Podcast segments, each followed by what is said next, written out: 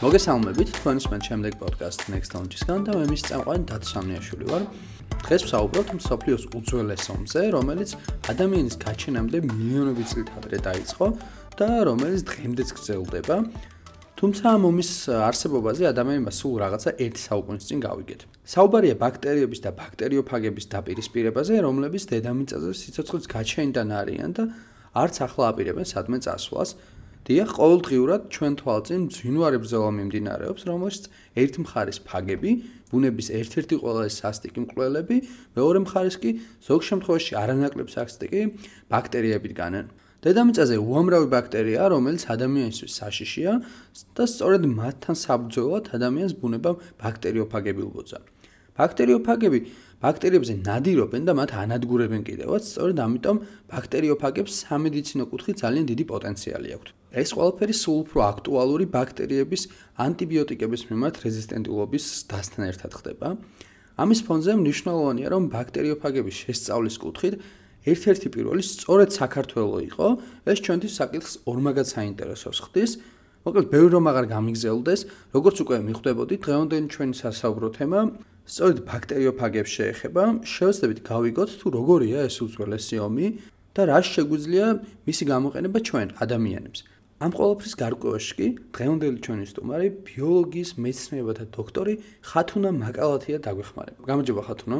გამარჯობა. აა სანამ უშუალოდ თემაზე გადავიდოდეთ, ანუ ახსნით სიტყვაზე რა როლი აქვს ბაქტერიებს და ბაქტერიოფაგებს ერთმანეთთან, ალბათ მსვენელს საინტერესო იქნება, რომ ზოგადი ახსნაც გავაკეთოთ, ხო? რა არის ზოგადად აა როგორც ბაქტერია, ისე ბაქტერიოფაგი და როდის აღმოაჩინეს ისინი და რა როლს თამაშობენ ზოგადად ჩვენ გარშემო, აი მაგით რომ დავიწყოთ საუბარი. აა ბაქტერიები და ბაქტერიოფაგები არის ცოცხალი ორგანიზმები, რომლებიც ჩვენს გარშემო სახლობენ და სახლობენ კი არა, ფაქტობრივად ჩვენ გარემოცული ვართ ამ ორგანიზმებით, მართალია ძალიან გვიან გავიგეთ მათი არსებობის შესახებ კაცობრიობამ, რადგან მე-17 საუკუნის ბოლოსკენ გახდა ცნობილი, რომ არსებობენ ესეთი ორგანიზმები, რომლებიც ერთუჯრედიანები არიან, ძალიან ცირე ზომისები არიან და ამაში დამსახურება მიუძღვის ერთ ძალიან ცნობის მოყარე ადამიანს, ანტონ ვან ლევენჰუკს, რომელმაც რა მოახერხა და თავისი რაღაცა კუსტარული მიკროსკოპით დაინახა. ცოცხალი არსებები, ერთუჯრედიანი ცოცხალი არსებები ამ თავის გამოდიდებელი ლინზების ქვეშ რომელსაც პატარა ცხოველები უწოდა. აა თავდაპირველად ანიმალკულუსები ესეთი საყვარელი ტერმინით მოიგონა და ჩანახატები არსებობს ეს როგორ ხატავდა ამ სხვა სხვა მორფოლოგიის მქონე ბაქტერიებს როგორ ხატავდა და აა აქ უკვე ჯერ კიდევ ადრე იყო მასე საუბარი თუ ეს ბაქტერიები რა როლს ასრულებენ და ასე შემდეგ და ავადებებს იწვევენ თუ არ იწვევენ და ასე შემდეგ, მაგრამ ის ფაქტი რომ აღმოაჩინა ესეთი ცოცხალი არსებები გარდა მრავალუჯრედიანი არსებებისა, რომლებსაც ხედავთ პალიფუხილავი ორგანიზმებიც რო არსებობენ, ეს რა თქმა უნდა ძალიან დიდი ასე ვთქვათ, სიტყვა იყო კაცობრიობის ისტორია. თელი დიდი სამყარო არსებობს, რომელსაც ვერ ხედავთ. თელი დიდი სამყარო არსებობს, რომელიც არის ძალიან დიდი, ძალიან ძველი დედამიწის ასაკის ფაქტობრივად შეიძლება ითქვას და ჩვენ ჩვენამდე სახლობდნენ ეს ორგანიზმები დედამიწაზე. არა მარტო ბაქტერიები, მათ შორის ვირუსებიც და ვირუსებს შორის ერთ-ერთი არის ბაქტერიის ვირუსები, ბაქტერიოფაგები. აა ესე იგი მნიშვნელოვანი როლი შეასრულეს და დღესაც ძალიან მნიშვნელოვანი არის ჩვენი ჩვენი ცხოვრებაში იქიდან გამომდინარე რომ აა გარდა იმისა რომ ნუ ბაქტერიების ბუნებრივი მტერი არის ეს ზუსტად ეს რომ ბაქტერიების ბუნებრივი მტერია ჩვენს მიერ ადამიანების მიერ რაღაცნაირად გამოყენებულ იქნა ჩვენ სასარგებლოდ ჩვენ ჩვენთვის საზიანო ბაქტერიებთან საბრძოლველად ასე ვთქვათ. მმ ნუ ცოტა უფრო მარტივად რომ ვთქვათ მეცნიერების ჯგუფმა რაღაც მოკლედ ბაქტერიების აღმოჩენიდან საკმაოდ დიდი ხნის შემდეგ უკვე გახდა ცნობილი ის რომ ზოგიერთი ბაქტერია ძალიან საშიშია აა ძალიან ბევრ დაავადებას იწვევს რომლებთან გამკლავებად ადამიანებს უჭირთ მედიცინა არ არის ეს შორს დასული ეს ჯერ კიდევ წინ საუკუნეში ხდება რომ ყველა ბაქტერიული ინფექციის დამარცხება მოხდეს და ასე შემდეგ და აი ესეთ დროს მეცნიერების ჯგუფმა სხვა შეს თითქმის პარალელურად აღმოაჩინეს რაღაცა ორგანიზმები, ну რაღაც წარმონაქმნები, მოდი ასე ვთქვათ, იმიტომ რომ მათ არ იცოდნენ რომ ეს ორგანიზმები იყო მაინც და მაინც, იმიტომ რომ იყო 1000 ვერსია, ვთქვათ რა შეიძლება და ეს ყოფილიყო. აა ფაგე ფაგებზე საუბრობ, იმიტომ რომ მათი დანახვა ჩვეულებრივი მიკროსკოპში შეუძლებელია, ბევრად მცირე ზომის ერთები არიან, ვიდრე თვითონ ბაქტერიები. მე მეტყვი რომ ცალკე კიდე შედიან ბაქტერიაში და შესაბამისად უფრო პატარაა ზომით. კი, კი, კი, ძალიან პატარები არიან ზომაში და ამიტომ მათი დანახვა ესე მიკროსკოპში შეუძლებელი იყო და ნუ პირველად დაინახეს ნუ რაღაცა სარკისებრი წარმონაქმნები ბაქტერიულ ნაზარდზე, სტერილურ ლაქებსაც უწოდებენ ხოლმე ამ ნაზარდს და ნუ ამით მივიდნენ რაღაცა ვარაუდები გამოიწვა, რომ არის რაღაცა სუბსტანცია, რაღაცა წარმონაქმნი, რომელიც ბაქტერიას ჭამს და ნუ ამ ადგილას რაღაცნაირად ბაქტერიის ზრდა იწგუნება. აქ რამდენიმე მეცნიერი იყო, რომლებმაც ეს აღმოაჩინეს. პირველი მეცნიერი, რომელმაც განგის, ასე ვთქვათ, ფენომენი, ხო, დინარე განგის ფენომენი მოეჩვენა მას ძალიან საინტერესოდ, იმიტომ რომ მიუხედავად იმისა, რომ ის რომ მიტყვალებულებს ყრიდნენ და ანუ ძალიან ესე ვთქვათ, უნდა ყოფილიყო გადავსებული მიკროორგანიზმებით და ასე შემდეგ, რაღაცნაირად მაინც ბალანსი თითქოს შენარჩუნებული იყო. ამ ბაქტერიული ასეთი ეპიდემიები და ეს აფეთქებები არ ხდებოდა და ნუ მივიდა ეს ადამიანი იმასთან რომ რაღაცა ხდებოდა ინარჩუნებს ხო რაღაც ინარჩუნებს აი ამ ბალანსს ხო არ ხდება რაღაცნაირად უფრო ესეთი საშიში პროცესები რაც მოსალოდნელია ლოგიკურად როდესაც ფასთან გვაქვს საქმე. აა ასევე იყო ძალიან საინტერესო მეცნიერი ფელიქს დერელი რომელიც ჩვენ ქართველებს მიგავშირდება იმიტომ რომ საქართველოს მათ შორის აქვს თავისი კვლევები ჩატარებული. მან აღმოაჩინა ეს წარმონაქმნები, რომლებიც ბაქტერიებს ჭამდნენ და ის უფრო შორს წავიდა ზოგადად თვითონ ტერმინი ბაქტერიოფაგი, ანუ ბაქტერიული ბაქტერიის მჭამელი ეკუთვნის სწორედ ფელიქს დერილს. ფაგოს ნიშნავს ჭამას და აქედან მოდის ეს სახელი ბაქტერიო კი ბაქტერიის მჭამელი. და პირველი ექსპერიმენტები რაც მან ჩაატარა ცოტა ისეთ მოგვეჩვენება ახლა ამ ეტაპზე, მაგრამ ნუ ძალიან დიდ შედეგზე გავიდა საბოლოო ჯამში, ანუ პირველად ხათმებზე ჩაატარა მან ესეთ თერაპიული ექსპერიმენტები, სალმონელა გალინარუმით და აინფიცირებდა ხათმებს და მე აი ამ დაინფიცირებული ხათმებიდანვე წინასწარ გამოყოფილი ქონდა ეს აგები თავისი აგური პრეპარატები შემუშავებული და მე კურნავდა ამ ამ ფაგებს ამ პირველ ექსპერიმენტში რომელიც მან ქათმებზე ჩაატარა სულ 6 ქათამი მონაწილეობდა აქეთან იყო 4 დაინფიცირებული და 2 კონტროლის ქათამი. მე საკმაოდ ნუ ეფექტური აღმოჩნდა ნახა რომ ეს მუშაობს მისი შექმნილი ფაგური პრეპარატი და შემდეგ უკვე ფართო მასშტაბებით მიიღო ამ მისმა ექსპერიმენტებმა და სხვა მეცნიერებმაც გაიმეორეს მისი ეს კვლევები და გარკვეული შედეგები და სტატიები დაარსებობს ამასთან დაკავშირებით. რაც შეეხება ადამიანების ადამიანებთან მიმართებაში ბაგების როგორც ეს მე-20 საუკუნის დასაწყისში იყო ხო როგორც კი 1919 წელს იყო პირველად როცა თერაპიული მიზნით გამოიყენა მან დერელმა თავისი ფაგური პრეპარატი. მან არის კიდე საინტერესო მომენტი რომ ან თვითონ ესე ვთქვათ ანტიბიოტიკებამდე რამდენიმე წლით ადრე მოხდა ხო? ამის დაფიქსირება და როგორც მე ვიცი ეგა საინტერესოა რომ თავიდან ყურადღება მიიქცე და მე უბრალოდ ანტიბიოტიკები რო გამოჩნდა უფრო მარტივი იყო და მე უფრო ყურადღება გადავიდა იმაზე ხო?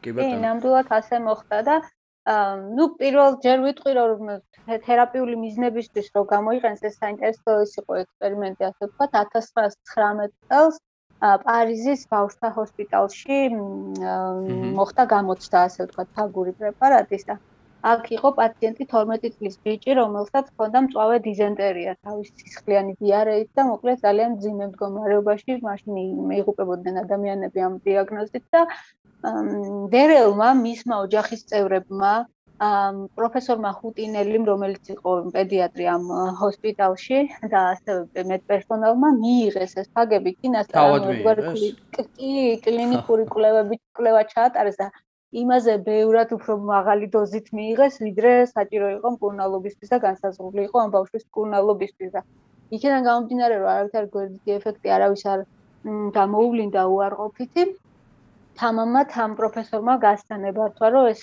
პრეპარატი გამოიყენებინა ამ ბიჭუნას სამკურნალოს და მიაღწიეს კიდეც შედეგს და ეს ბავშვი გადარჩა და გარდა ამ ბავშვისა კიდე რამდენიმე 6-7 ბავშვი იგივე ჰოსპიტალში იგივე დიაგნოზით ამ დერელის მიერ შემუშავებული ფაგური პრეპარატის დანგურნეს და მოკლედ ხადი გახდა რომ არსებობენ შემდეგში უკვე გადადგინდა რომ ეს არის ვირუსი ბაქტერიის ვირუსი რომელიც მხოლოდ ბაქტერიას ასე ვთქვათ მხოლოდ ბაქტერიის მიმართ არის აქტიური და ის მისთვის სხვა ცხოველური უჯრედები აბსოლუტურად უხილავია ის ვერ აღიქვამს ამ უჯრედებს ბაქტერიოფაგი მაგრამ როგორც იმისთვის სპეციფიკურ ბაქტერიაზე მოხდება ის იწყებს თავისი გამრავლების ციკლის განხორციელებას, ჩაუშვებს მის დნმ-ს ბაქტერიის უჯრედში, იყენებს თელს ამ ბაქტერიის მექანიზმს, ასე ვთქვათ, უჯრედულ თავის წარმოებისთვის და ახალ სამომავლობას იძლევა ამ უჯრედში, მარტივად რომ ვთქვათ, შემდეგ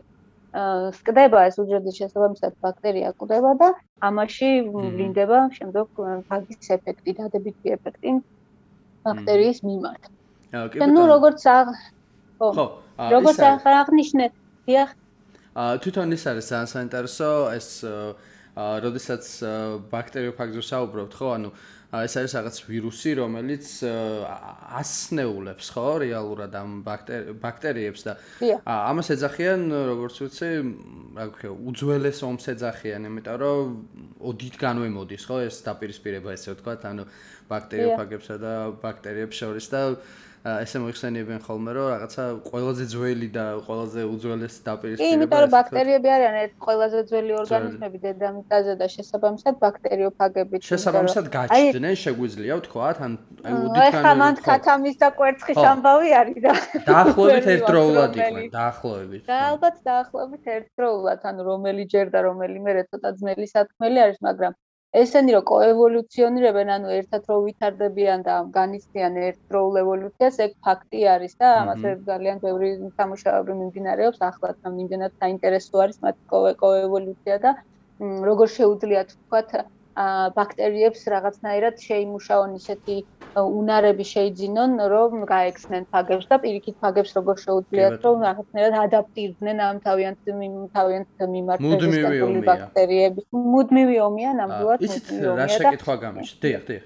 აა ის რა შეკითხვა გამიშ და ანუ აი ბუნებ ბრის ბუნების მხრიდან თუ შევხედავთ სიტყვაზე რაღაცებს ხო აქვს ხოლმე თავისი ესე ვთქვა დანიშნულება რაღაცა როლს ასრულებს ხოლმე ხო? და შეგვიძლია ვთქვათ აი ამ ხრივ რა რა როლი აქვს? გარდა იმისა რომ უბრალოდ ბაქტერიებს ებზვის ესე იგი ეს ბაქტერიოფაგი რამე ვერსია თუ არის ესე ვთქვათ რის გამოც შეიძლება ის იყოს ზოგადად ანუ რატო არსებობს? ალბათ იმიტომ რომ ზუსტად ეს ბალანსი დაიჭიროს ამ ბაქტერიების უკონტროლო გამრავლების. რატომაც არა, როგორც ყველა ბუნებრივი მტერი თავის ბუნებრივ მსხვერპლთან ესე მაშინ არის ამ ბალანსი. გელს და კურდღელს რო იყვია ხოლმე.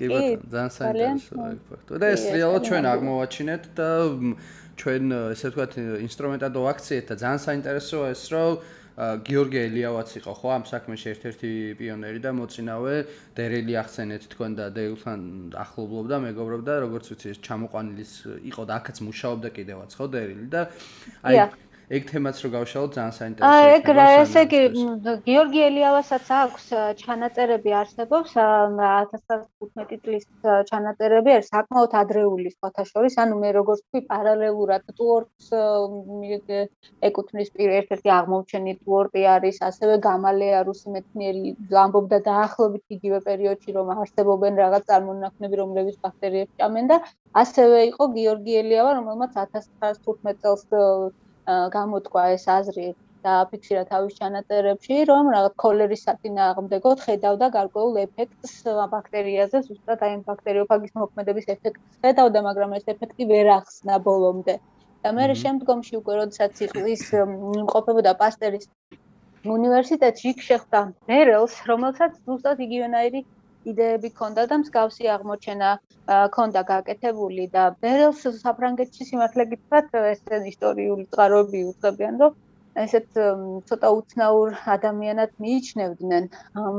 იყო კომუნისტი და არც დიდი პოპულარობით არ სარგებლობდა სამეცნიერო წრეებში და ამიტომ ცოტა ესე უყურებდნენ ხოლმე მის აღმოჩენებსაც რა არაფასებდნენ სათანადოდ. დასავლეთში უფრო მით უმეტეს მაშინ ხა დაპირისპირება იყო იდეოლოგიებს შორის და ხო და რაღაცნაირად არ აღიქმებოდა ეს ადამიანი ასე სერიოზულ მეცნიერად და მაგრამ სამაგეროთ გიორგი ელიავა მას შესთავაზა რომ საქართველოსი გაეგზელებინა მისი კვლევები და აქ ხელი შეუწყეს მოკლედ გიორგი ელიავასაც და დერელსაც რომ აშენებულიყო და არსებულიყო უნივერსიტეტი, ინსტიტუტი, ბაქტერიოფაგების კვლევის ინსტიტუტი, რომელიც პირველია მსოფლიოში. მოთაშორის და ესეთი სახელით რომ ბაქტერიოფაგიის ინსტიტუტი, ყველაზე ძველი არის ელიავას სახელობის ინსტიტუტი, რომელიც აა ჩვენ გვაქვს და მე მქონდა პატივი მან მუშაობის 10 წლის მანძილზე. ძალიან ესეთი დიდი პატივია ჩემთვის. კი ბატონო. და მოკლედ აქ განაგდეს მათ მუშაობა ამ თემებზე, მაგრამ მე მალევე მოხდა ის, რომ გიორგი ელევა მოგეხსენებათ დახვიტეს. ხო, რაღაც უცნაური მიზეზით, ხო, რა ვიცი, რა ვეცნობოდი ანუ ინფორმაციას. ნუ როგორც მაშინ ხდებოდა აბრალეს რაღაც, ხო? მის მეუღლესთან ერთად. ხო, რაღაცა შეთითხნილი მიზეზი იყო, რეალურად როგორც ესე იგი გარკვეული ლეგენდები და ადის რაღაც ფანატერები მოგონებები არსებობს. ამ გიორგი ელიავასა და ბერიას შორის იყო რაღაც ფარული მტრობა რა თქვა პირადი მიზეზებისგან გამომდინარე და ამიტომ ბერიას მოკლედ ძალიან ესე ქონდა განსაზღვრული გადაწყვეტილი რომ აუცილებლად უნდა დაეხრიტა გიორგი ელიავა და იმასაც ამბობენ რომ გიორგი ელიავას მეგობრებმა რომელიც საკმაოდ გავლენიანი ხალხი იყო იმ დროისთვის სტალინსაც გაუგზავნეს წერილი მისი შეწყალების შესახებ და სტალინმა მოაწერა კიდეთხელი რომ შეეწყალებინათ მაგრამ ბერიას ეს უკვე წინასწარ განსაზღვრული ქონდაო ამბობენ ხმები და საპასუხოდ უპასუხა რომ ძალიან წუხარ მაგრამ უკვე დავხრიტეო და იმასაც ამბობენ რომ არ ყავდა მაგროს დახრეტილიო ანუ ძალიან ესეთი ბურუსით მოწული ამბავი არის. მოკლედ ფაქტი არის, რომ დასანანია 45 წლის ასაკში აი ესეთი ნათელი ადამიანი ესეთი იდეებით და ასეთი პროგრესული ამდენი რამე შეძლო 45 წლის ასაკში. მმ დასანანია რომ და ეს დერილზეც ამან ძალიან ცუდი მოქმედა და რეალო წავიდა საქართველოს და აღარ დაბრუნებულა საქართველოს. რაც ალბათ აისახა კიდევაც ხო იგივე ამ ბაქტერიოფაგების კუთხით კვლევებზე. აი როგორ გაგძელდა იქ ძალიან საინტერესოა. დახრიტეს სიტყვაზე. როგორ გაგძელდა ვერ გეტყვით ახლა რომ ეს ძალიან მიიჭმალა პირიქით მთელი და დანარჩენი სოფლიოსგან განსხვავებით, რომლებიც ზუსტად ამ ანტიბიოტიკების აღმოჩენის თემას თქვენ ახსენეთ უკვე. ანტიბიოტიკების აღმოჩენის თემამ ძალიან ჩაფარხა, ასე ვთქვათ, ფაგების თემა და უკვე ნუ რაღაც ფაქტ გამოუჩნდა სერიოზული კონკურენტი, ასე ვთქვათ, ანტიბიოტიკის სახით და მთელი მსოფლიო გადაერთო ამ ანტიბიოტიკების გამოყენებაზე სხვადასხვა ინფექციების მიმართ და ნუ რა თქმა უნდა იქ ეფექტი თვალსაჩინო იყო და ძალიან დიდი დამსახურება აქვს ანტიბიოტიკს ზოგადად კაცობრიობის წინაშე ხო? ისეთი ინფექციები რომლებიც რომლებიც ადამიანები ვეუძლებდნენ იხოცებოდნენ ანტიბიოტიკმა მოკლედ შეცვალა აბსოლუტურად შეცვალა ეს ყოფა თუმცა აი განსხვავებაზე რო ამბობენ ხოლმე დი ახანო ანტიბიოტიკი უფრო უტევს მასიურად ხო ამ ესე ვთქვათ ხო ზუსტად მანდ მივდიოდი მე რომ ჩვენ ახლა იმ გავთამამდით შესაბამისად რა თქმა უნდა ადამიანს ძალიან უჭირს ხოლმე ესე ბალანსის დაჭერა უნებისგან განსხვავებით და ყველგან და ყველაფერში ანტიბიოტიკს ვიყენებდით ყველგან ანტიბიოტიკებს იყენებდნენ ადამიანები და განსაკუთრებით აი ფერმერობაში ან საქონლის ზრდის ხელშეწყობისთვის, პრევენციული ზომებისთვის, აა თქვათ იქ არადანიშნულების სამებრ მაღალი დოზებით, ასე შემდეგ. ძალიან ესე თამამად გამოვიყენეთ მოკლედ ანტიბიოტიკები და ამან მიგვიყანა იქამდე რომ ბაქტერიებმა ისწავლეს ბაქნა ანტიბიოტიკებისგან თავის დაცვა და ისწავლეს როგორ დაემალონ მათ და ეხლა გვაქვს ანტიბიოტიკების ანტიბიოტიკორეზისტენტობის ერა, ასე ვთქვათ, რომელიც ძალიან წავეთ დგას ამ თუთას მთელი მსოფლიოს წინაშე და გვაქვს მთელი წება ბაქტერიებისა, ამ უზარმაზარი სამონათვალი, რომლებიც უკვე თითქმის ყველა ძალიან ბევრი ანტიბიოტიკის მიმართ არიან რეზისტენტულები და აქვს პოტენციალი, რომ საერთოდ გახდნენ რეზისტენტული. რა თქმა უნდა, მეცნიერება მუშაობს იმისკენ, რომ კიდევ უფრო ეფექტური ანტიბიოტიკები შეიმუშაონ, მაგრამ ფაგებით, ასე ვთქვათ, ისევ ამოტივდა და ისევ ეს თემა გახდა აქტუალური, იმიტომ რომ თვალსაჩინო არის ეს ეფექტი. განსაკუთრებით აქ მიმზიდველია ის, რომ ზუსტად ეს მაღალ სპეციფიკურობა, რაც ანტიბიოტიკს არ ახასიათებს და ფაგებს ახასიათებს, ფაგი უტევს მხოლოდ მისთვის სპეციფიკურ უჯრედს ბაქტერიულს და არა არა სხვა ბაქტერიულ, მაგალითად მეგობარ მიკროფლორას ფაგი არ დააზიანებს.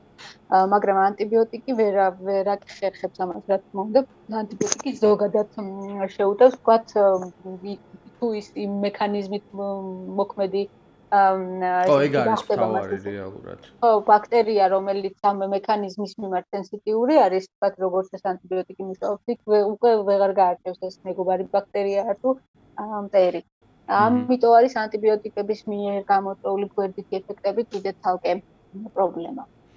და ამიტომ ახლა მეცნიერება ძალიან ფიქრობ უკვე აქტიურად და მუშაობს კიდეც და მომრავლდა უკვე ძალიან პოპულარული გახდა ფაგებზე მუშაობა, ფაგების კვლევა, ფაგების თერაპიული მიზნით გამოყენება, ფაგების ყვების საფრთხების მიზნით გამოყენება, ვეტერინარიაში ფაგების გამოყენება, მოკლედ ძალიან დიდი ნიშა არის, სადაც შეიძლება ფაგები გამოიყენონ და იყენებენ კიდეც. იცით რა არის? აი ანტიბიოტიკების ფაქტორი რო ახსენეთ, ანუ შეგვიძლია ვთქვათ, რომ ეს ბაქტერიები ევოლუციას განიცდიან, მათ საწინააღმდეგოს და ფიზიკურად ვეღარ ვეწევით, ესე ვთქვათ, იმას ამ ამ პროცესს, იმიტომ რომ მათ შეუძლიათ უფრო სწრაფად განიცადონ, ხო, ეს ევოლუცია, იმიტომ რომ სვენელი შევა დაიბნეს იმ კუთხით, რომ ევოლუცია მისთვის ასოცირდებოდეს რაღაცა ათობით 1000 წელთან, თუმცა ბაქტერიების შემთხვევაში კი ბატონო ბევრად უფრო სწრაფად ხდება ეს პროცესი. ანუ ის ბაქტერიები, ის ბაქტერიები, რომლებიც ძალიან ესეთი რომლებიც მორევა უადვილესი იყო, თქვა, საუკუნე მეოთხე საუკუნის დასაწყისში, ახლა რეზისტენტული ბაქტერიები არის და ეს იმას ნიშნავს, რომ ძალიან სწრაფად განიცადეს მუტაცია და ძალიან სწრაფად ისწავლეს თავდაცვა. და აი ეს პროცესი გამიშდა შეკითხვა, ანუ ეს ანტიბიოტიკების დაპირისპირება, ან რთულია, რომ სიტყვაზე გადაწყობა ხდებოდეს ამისაც, ისე ჩქარა როგორც სიტყვაზე. ხება კიდეც ანტიბიოტიკები, იმიტომაც გვაქვს ამდენი თაობების ანტიბიოტიკები და სულ ახალი და ახალი ანტიბიოტიკები იქნება, მაგრამ მაინც საბოლოო ჯამში სადღაც ხიხთან მივდივარ, ამიტომ რომ ესე ვერ ვეწეროთ ამ ქვას. აჰა, ძალიან საინტერესო. ამიტომ ო და ანუ და ესე იგი აქ შემოდის უკვე ხო ეს ფაქტორი შემოდის რაც არის ფაგების. და იგივე შეკითხვა სიტყვაზე სვენელ შეება დაინტერესოს სიტყვაზე ამდენი ხანი არა თუმცა თავში ვთქვით ეგ ძალიან საინტერესო მომენტი ვთქვით რომ სიტყვაზე თუ განიცდის ევოლუციას ესე ვთქვათ ბაქტერია ფაგიც არ ჩამორჩება ხო? აი ეგ არის რაც ბუნებრივად ხდება და ჩვენ აღარ გვიწევს ესე ვთქვათ ესე ჩვენ არ ვერეოდით უბრალოდ მოწოდებული ინსტრუმენტი გვაქვს იარაღი გვაქვს რომელიც უბრალოდ უნდა გამოვიყენოთ ხო?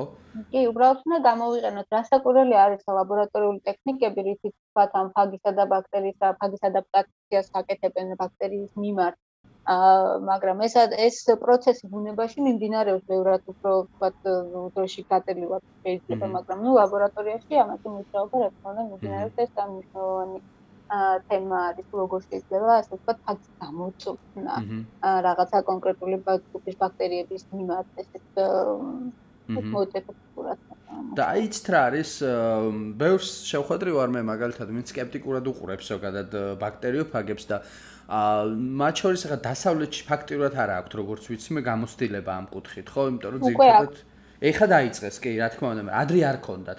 და აი გარის ძალიან საინტერესო თუ ჩატარდა სიტყვაზე იგივე დასავლეთში რაღაც კლუბები და რა იყო მიზეზი? გარდა იმისა რომ უბრალოდ ანტიბიოტიკებმა მიიქცია დიდი ყურადღება. სხვა რამე მიზეზი თუ იყო რატომაც სიტყვაზე ვერ განვითარდა ბაქტერიოფაგების გამოყენება უფრო? ანუ აი აი რაღაც დაახლოებით. ნუ პირველი იყო ანტიბიოტიკის აღმოჩენა და ბევრად მარტივი იყო ანტიბიოტიკებზე მუშაობა ვიდრე ფაგებზე და აქედან გამომდინარე ეს ხება მივიწყებული იქნა და უფრო გადაინაცვლა ფუნდამენტურ კვლევებში და ფაგებს როგორც ვექტორებს და ასე შემდეგ ძალიან სხვა მიზნებით იყენებდნენ, მაგრამ თერაპიული კუთხით ხო, ძალიან ბევრი სხვა სხვა მიზნებისთვის გამოყენებული კი გენეტიკური თვალსაზრისით უფრო იგი ფაქტები გამოიყენება. მარტივი ის არის და მაგიტო კი ბატონო. მაგრამ თერაპიული მიზნებისთვის მაინც სკეპტიკურად უყურებდნენ. ჯერ ერთი პირველ რიგში ის რომ ვირუსი არის, აი სიტყვა ვირუსი ძალიან შემოწაობს. ცუდად ადამიანებზე და აქედან გამომდინარე ეს ფაქტორია და რეგულაციები კიდე გარდა იმისა, ეს ცოცხალი ფაგი არის ცოცხალი პრეპარატი და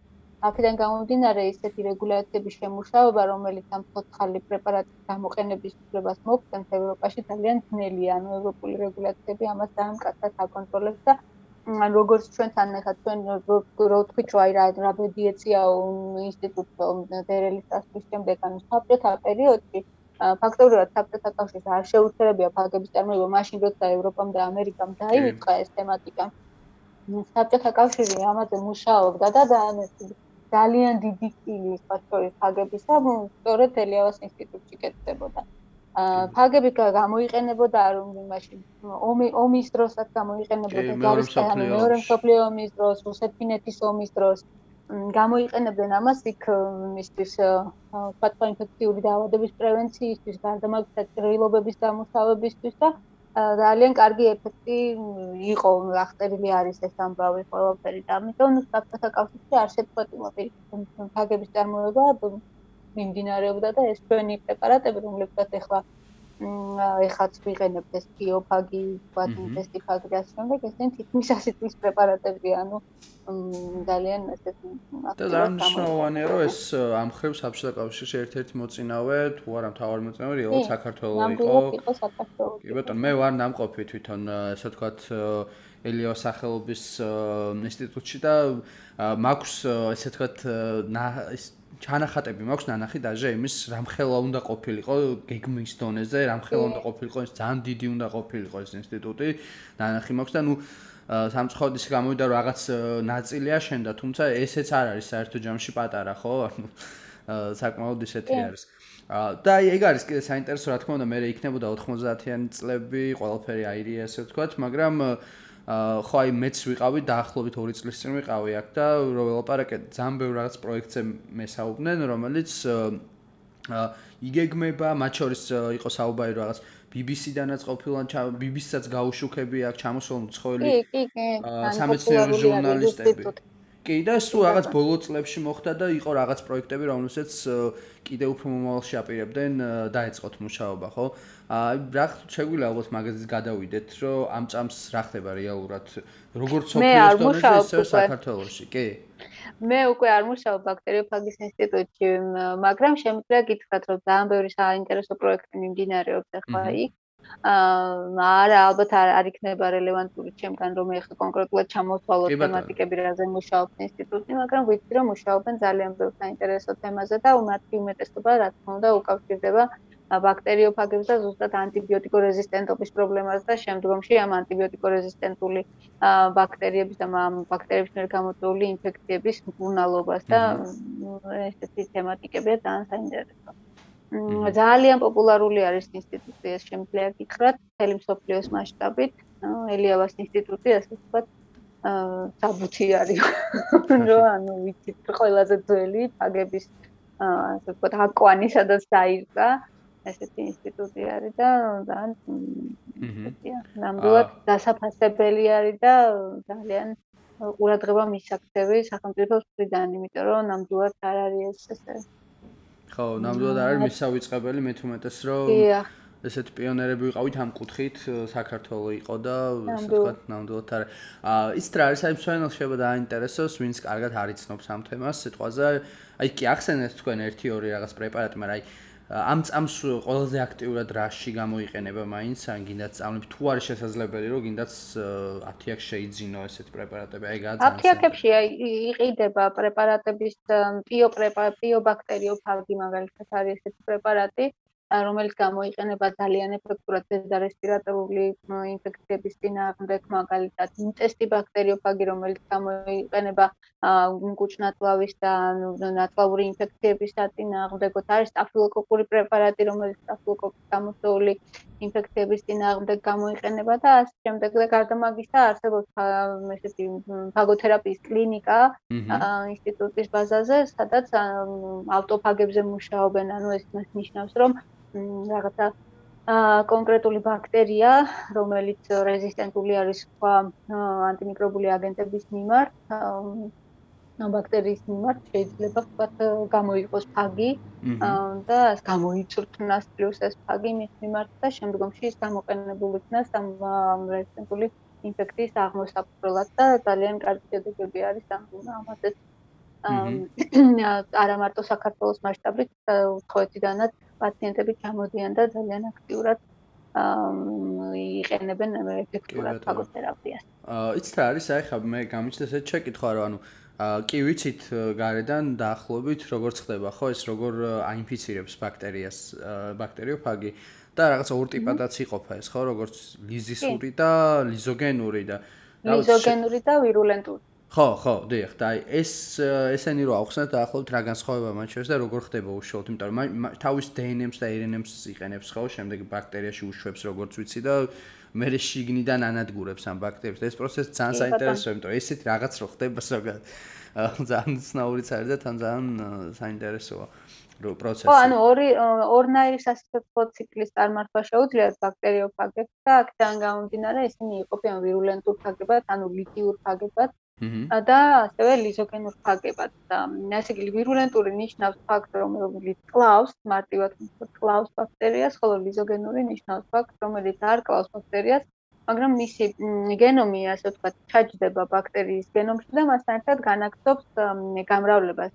და სხვა შორის ამ ფაგოთერაპიის მიმართ წარმოქმნილი სკეპსისი რაც არის სწორედ აი ამ პროცესსაც უკავშირდება აი ამ ლიზოგენური ფაგების თემასაც უკავშირდება იმიტომ რომ ამ ლიზოგენურ ფაგებს შეუძლიათ პოტენციურად რომ რაღაცა ვთქვათ ტოქსინის მაკოდირებელი გენები გადაიტანონ ბაქტერიაში, შეიძლება ანტიბიოტიკო რეზისტენტობის გენების მიმოთვლად მოახდინონ და შესაძლოა რაღაცა ესეთი თვისებებით აღჭურვონ ეს ბაქტერიები, რომლებიც მათ არ ქონდათ მანამდე და კიდევ უფრო საშიში გახადონ და აქედან გამომდინარეობს ეს რაღაცა скеპტიკური დამოკიდებულება ამ ლიზოგენური ფაგების გამო, ზოგადად ფაგების მიმართ. მაგრამ როდესაც მუშაობ ანუ ფაგოთერაპიაზე როდესაც მუშაობენ სპეციალისტები ახერხებენ იმას რომ განასხვავონ ერთმანეთისგან ლიზოგენური და ვირულენტური ფაგები, განსაკუთრებით ახლა მელიავას ინსტიტუტში ძალიან დიდი ხნის პრაქტიკა არის და აქედან გამომდინარე, ვთქვათ ეს საშიშროება არ დგას, მაგრამ ნუ რეგულაციებისთვის და განსაკუთრებით ევროპული რეგულაციებისთვის ეს არ არის ხოლმე საკმარისი ახსნა. ამიტომ ამ მიმართულებითაც ძალიან აქტიური კვლევები მიმდინარეობს. აჰა. ანუ ფაქტიურად გამოდის რომ თავარი რისკები, ანუ თავარი მიზეზი რატომაც შეიძლება აი ამ წამს ხო, იმიტომ რომ სვენელი ხა უსმენს სიტყვას და გაუჩნდა ესეთ შეკითხვა, თუ ესეთი მაგარი, ესეთი კარგია, აი ეხავე ამ წამს ყველა რატო არ ვიყენებთ, ხო და ეგ არის ერთ-ერთი მთავარი მიზეზი, თუ არის კიდე რაღაც მიზეზები, მეც ძალიან მაინდა გამიჩნდა ესეთ შეკითხვა, არის კიდე ესეთი მიზეზები, რაც რაც ესე ვთქვათ, აი ამ წამს რო ეს მასიურად რო არ ვიყენებთ, э, შეიძლება იგი რაც აფერხებს ამ პროცესს, თქოს გინდა განვითარების პროცესს. იცით რა, მე მაინც მგონია რომ თოდნის ნაკლებობა არის. ერთ-ერთი მიზეზი. აა, იმიტომ რომ ამ გონია რომ ბევრი ექიმი ძალიან скеპტიკურად უყურებს ამ ფაგოთერაპიის თემას, მაგრამ ხა უკვე როდესაც ევროპაში პოპულარული გახდა, ეს ნელ-ნელა ჩვენთანაც აპოპულარულებს ამ თემას. თუმცა შემოხვედრია ისეთი ექიმებიც, რომლებიც არანაცვლად ნიშნავენ ფაგებს, მაგალითად დედა რესპირატორული ინფექციებისთვის და ასე შემდეგ. ამიტომ ალბათ ინფორმაციის ნაკლებობა არის შესაძლოა ეს იყოს მიზეზი და კიდევ უფრო მარტივი გზა იმისი რომ ანტიბიოტიკი დანიშნ დაინიშნოს ასე ვთქვათ რა ანტიბიოტიკის დანიშნა უფრო მარტივი არის და ეფექტი თქოს ეფექტიც უფრო გარანტირებული და ამიტომაც ალბათ ადვილი გზით დასვლა ყოველთვის უფრო ესეთი არის ხო კი ბატონო ეს რაღაც რაღაც იმას მე მსგავს არ ვიცი ამდენად კავშირში მაგრამ აი აა ესე ვთქვათ კლიმატის ცვლილებას, იმიტომ რომ მარტივია სიტყვაზე უფრო ამ ეტაპზე სიტყვაზე შეიძლება მარტივი იყოს, რომ რაღაც დედამიწიდან გამოზიდო რაღაც რესურსები, მაგრამ ამას ლიმიტი აქვს ხო და აუცილებლად გამოგვიწევს განახლებად ენერგიებზე გადასვლა, რაც ამ შემთხვევაში შეიძლება იყოს მზის ენერგია და ასე შემდეგ და ნუ ამ შემთხვევაში რაღაც ეს პარალელი დავინახე რომ რეალურად მაინც მოგვიწევს როგორც ჩანს მაინც ისეთ რაღაც ალტერნატივის მოძიება ხო და ეს ალტერნატივა როგორც ხლები შეიძლება იყოს თავისუფლად ეს ბაქტერიოფაგები, ხო? აი, შეიძლება არა, აუცილებლად იქნება ბაქტერიოფაგები ალტერნატივა. თუნდაც სრულად სრულად რომ არ ჩაანაცვლოს ანტიბიოტიკი, ესეთი კვლევებით არსებობს, რომ ერთდროულად იყენებენ ფაქტ ანტიბიოტიკს და ესეთი კვლევებით არსებობს, სადაც ნაჩვენები არის, რომ ფაგოთერაპიის შემდგომ აი ეს ბაქტერიები შესაძლოა ანტიბიოტიკო რეზისტენტობა, უფრო დაბალი ანტიბიოტიკო რეზისტენტობით გამოირჩევდნენ, ანუ კარგავდნენ რაღაცნაირად ამ უნარს. ანუ შეიძლება ვთქვათ ანტიბიოტიკთან ერთად ფაგი უფრო დიდ ეფექტს იძლეოდეს ვიდრე მარტო ანტიბიოტიკი ან მარტო ფაგი. ესეთი კვლევებიც არის ეხლა სტარდება და არის ესეთი ამ ეფექტის მაჩვენებელი კვლევებიც არსებობს. ანუ უამრავი კვლევა მიმდინარეობს ამ მიმართულებით და მე მაინც მგონია რომ აუცილებლად მოხდება ფაგის ასე ვთქვათ აღიარება მსოფლიო მასშტაბით როგორც ეფექტური ანტიმიკრობული პრეპარატის და ფაგოთერაპიაც აუცილებლად იქნება უფრო პოპულარული ვიდრე ახლა.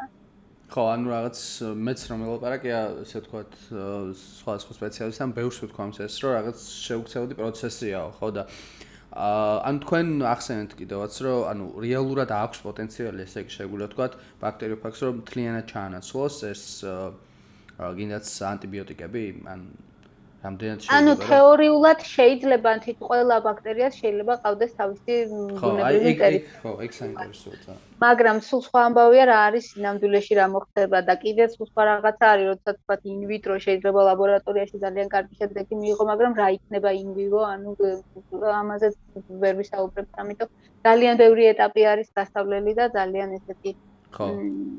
ფული ხო, აი ეგ არის ძალიან საინტერესო ტიპები, იმიტომ რომ თქვენ აი ხა ვახსენეთ რეალურ ტიპებზე მივედით, ხო? ანუ რამდენი ძალიან უამრავი რაღაც ბაქტერია არსებობს და მათ ყავთ ესე ვთქვათ თავისი ამ თავისი მტრები მოკლედ, ხო, რაღაც და ნუ რაც კიდე ძალიან მნიშვნელოვანია, თითქმის ყველგან ხდება, ხო, ეს ბაქტერიოფაგები, როგორც ვიცი, ან ძალიან ბევრია ზოგადად, ხო? ან საყაროს ესე ვთქვათ. ხო, და ანუ შესაბამისად, ანუ არის მაგის ესე ვთქვათ იმედები თუ რაღაც დონეზე რომ შეგვიძლია ყველანაირ ბაქტერიას უპოვოთ მოკლედ თავისი გამანადგურებელი რაღაც დონეზე ხო? ანუ ეს არის მთავარი გამოწვევა ალბათ, ხო? მაინც ანუ ბაქტერიოფაგებში. აა არა მარტო, ხო, არ ვიცი, ეს თეორიულად ალბათ შეიძლება იყოს, მაგრამ არსება სხვა სხვა მიმართულებითაც მიდიან, ანუ მაგალითად ლიზინების გამო, ანუ ფაგიდან გამოყოფილი აქტიური ნივთიერებებით შეიძლება ბაქტერიას ებრძოლონ რაღაცა ეგეთი. მიმართულებაც არსებობს ანუ ბაქტერიული ლიზინების, ფაგური ლიზინების გამოყენების და ასე შემდეგ. ანუ ძალიან ბევრი ისეთი თემა არის, რომელსაც ცდილობენ რომ ასე ვთქვათ, ფაგის უნარები გამოიყენონ მაქსიმალურად. აჰა. და აირიალოდ ვიღაც შეიძლება გავუშვი, თქვა სად არიანო ეს ასე ვთქვათ, ბაქტერი ბაქტერიოფაგები. ნუ პასუხი არის ეგ რომ ყველგან. ყვარი არის მაგალითად ყველაზე კარგი რეზერვუარი ფაგისთვის, ანუ ჩვენი განგი ასე ვთქვა. იმიტომ რომ ძალიან ესეთი მტკვრიდან აღებული ნიმუშებიდან ესაზღვა გამოყოთ ან რომ ორგანიზმებში შეგვიძლია ვთქვათ რომ არის სიტყვა კი, ორგანიზმებში, კი, დაინფიცირებული ორგანიზმიდან შეიძლება გამოიყოს და ასე შემდეგ. ანუ ყველა რესურსი შეიძლება გამოყენებულ იქნას ფაგის გამოსაყოფად, სადაც პოტენციურად მოიაზრება ბაქტერიების დაბინძურება. კი ბატონო, ძალიან საინტერესოა.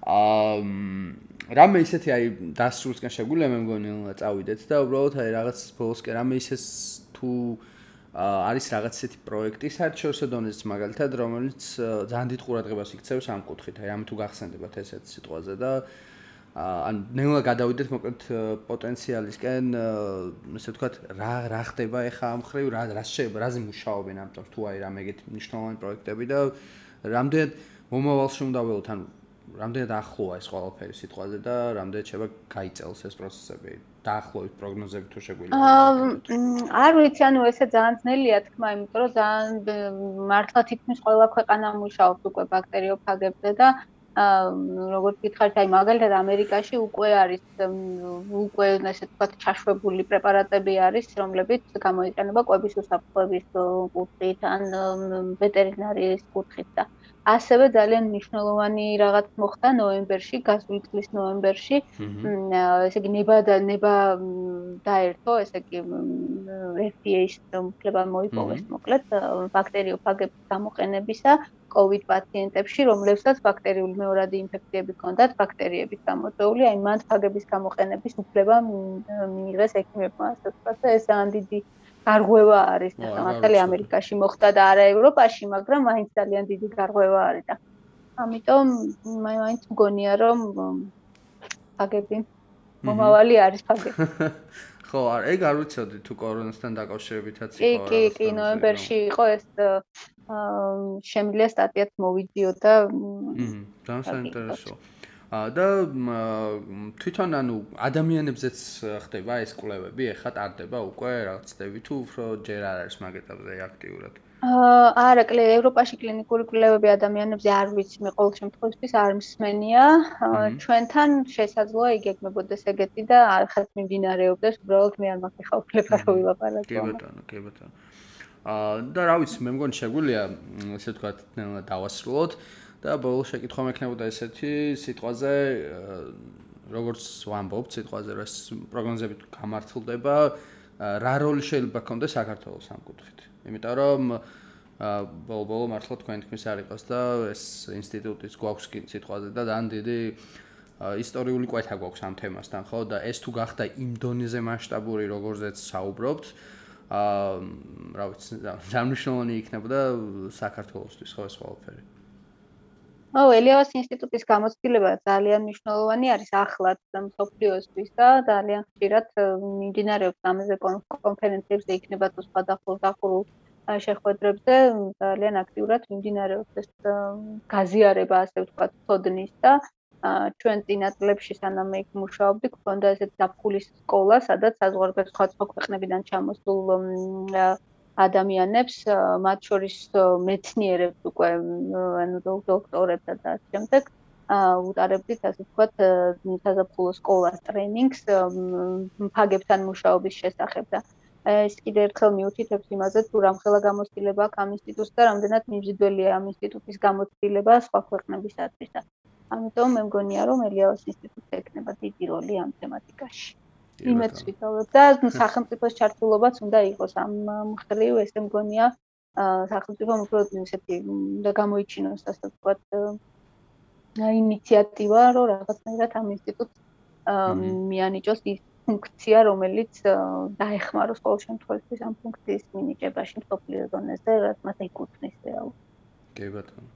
აქ ძალიან დიდი მადლობა ამ თემას საუბრისთვის და აა დავიც მე მე ძალიან დიდი იმედი მაქვს რომ ეს ყველაფერი ასე ვთქვათ საქართველოს გარეშე არ ჩაივლის იმიტომ რომ ჩვენს ასე ვთქვათ აა ეს თემა რაღაც თონეზე არა მარტო რაღაც თონეზე ხო ძალიან გვეხება ძალიან დიდი გამოცდილება გვაქვს და ალბათ მნიშვნელოვანია რომ ეს ყველაფერი პირველ რიგში ჩვენ თვითონ ვიცოდეთ, იმიტომ რომ სამწუხაროდ დღეს საქართველოში მართლა ძალიან ცოტა თუ იცის ბაქტერიოფაგების როლი, ან გინდაც პოტენციალი, ხო? და პირველ რიგში ალბათ ჩვენ თვითონ და ვიცოდეთ და შემდეგ უკვე ნუ ეს გამოვითარო, გამოვითარო და ასე შემდეგ. კარგი, ძალიან დიდი მადლობა და იმედი ვიქონიოთ უკეთესი მომავალის და ბოროტი ბაქტერიების დამარცხების, ესე ვთქვათ, და კეთილი ბაქტერიოფაგების გამოყენების. დიდი მადლობა. მადლობა თქვენ. მადლობთ. მე გულშემატკივრობ ბაქტერიოფაგებს. ხო, ანუ მეც პირველ პირველ რეალური შეხება მქონდა სადღაც 2 წლის წინ, როდესაც რაღაც აი ამ თემასთან დაკავშირებით ვაკეთებდი რაღაც სიუჟეტს და მეც არ ვიცოდი კარგად და მაშინ რო გავიგე ძალიან გაოცებული ვიყავი რომ თურმე ამ ხელა რაღაცა არის და ეს ყველაფერი დაიწყო საქართველოში და ის გარშემო და ბევრმა არ ვიცით ეს ამ წყალს.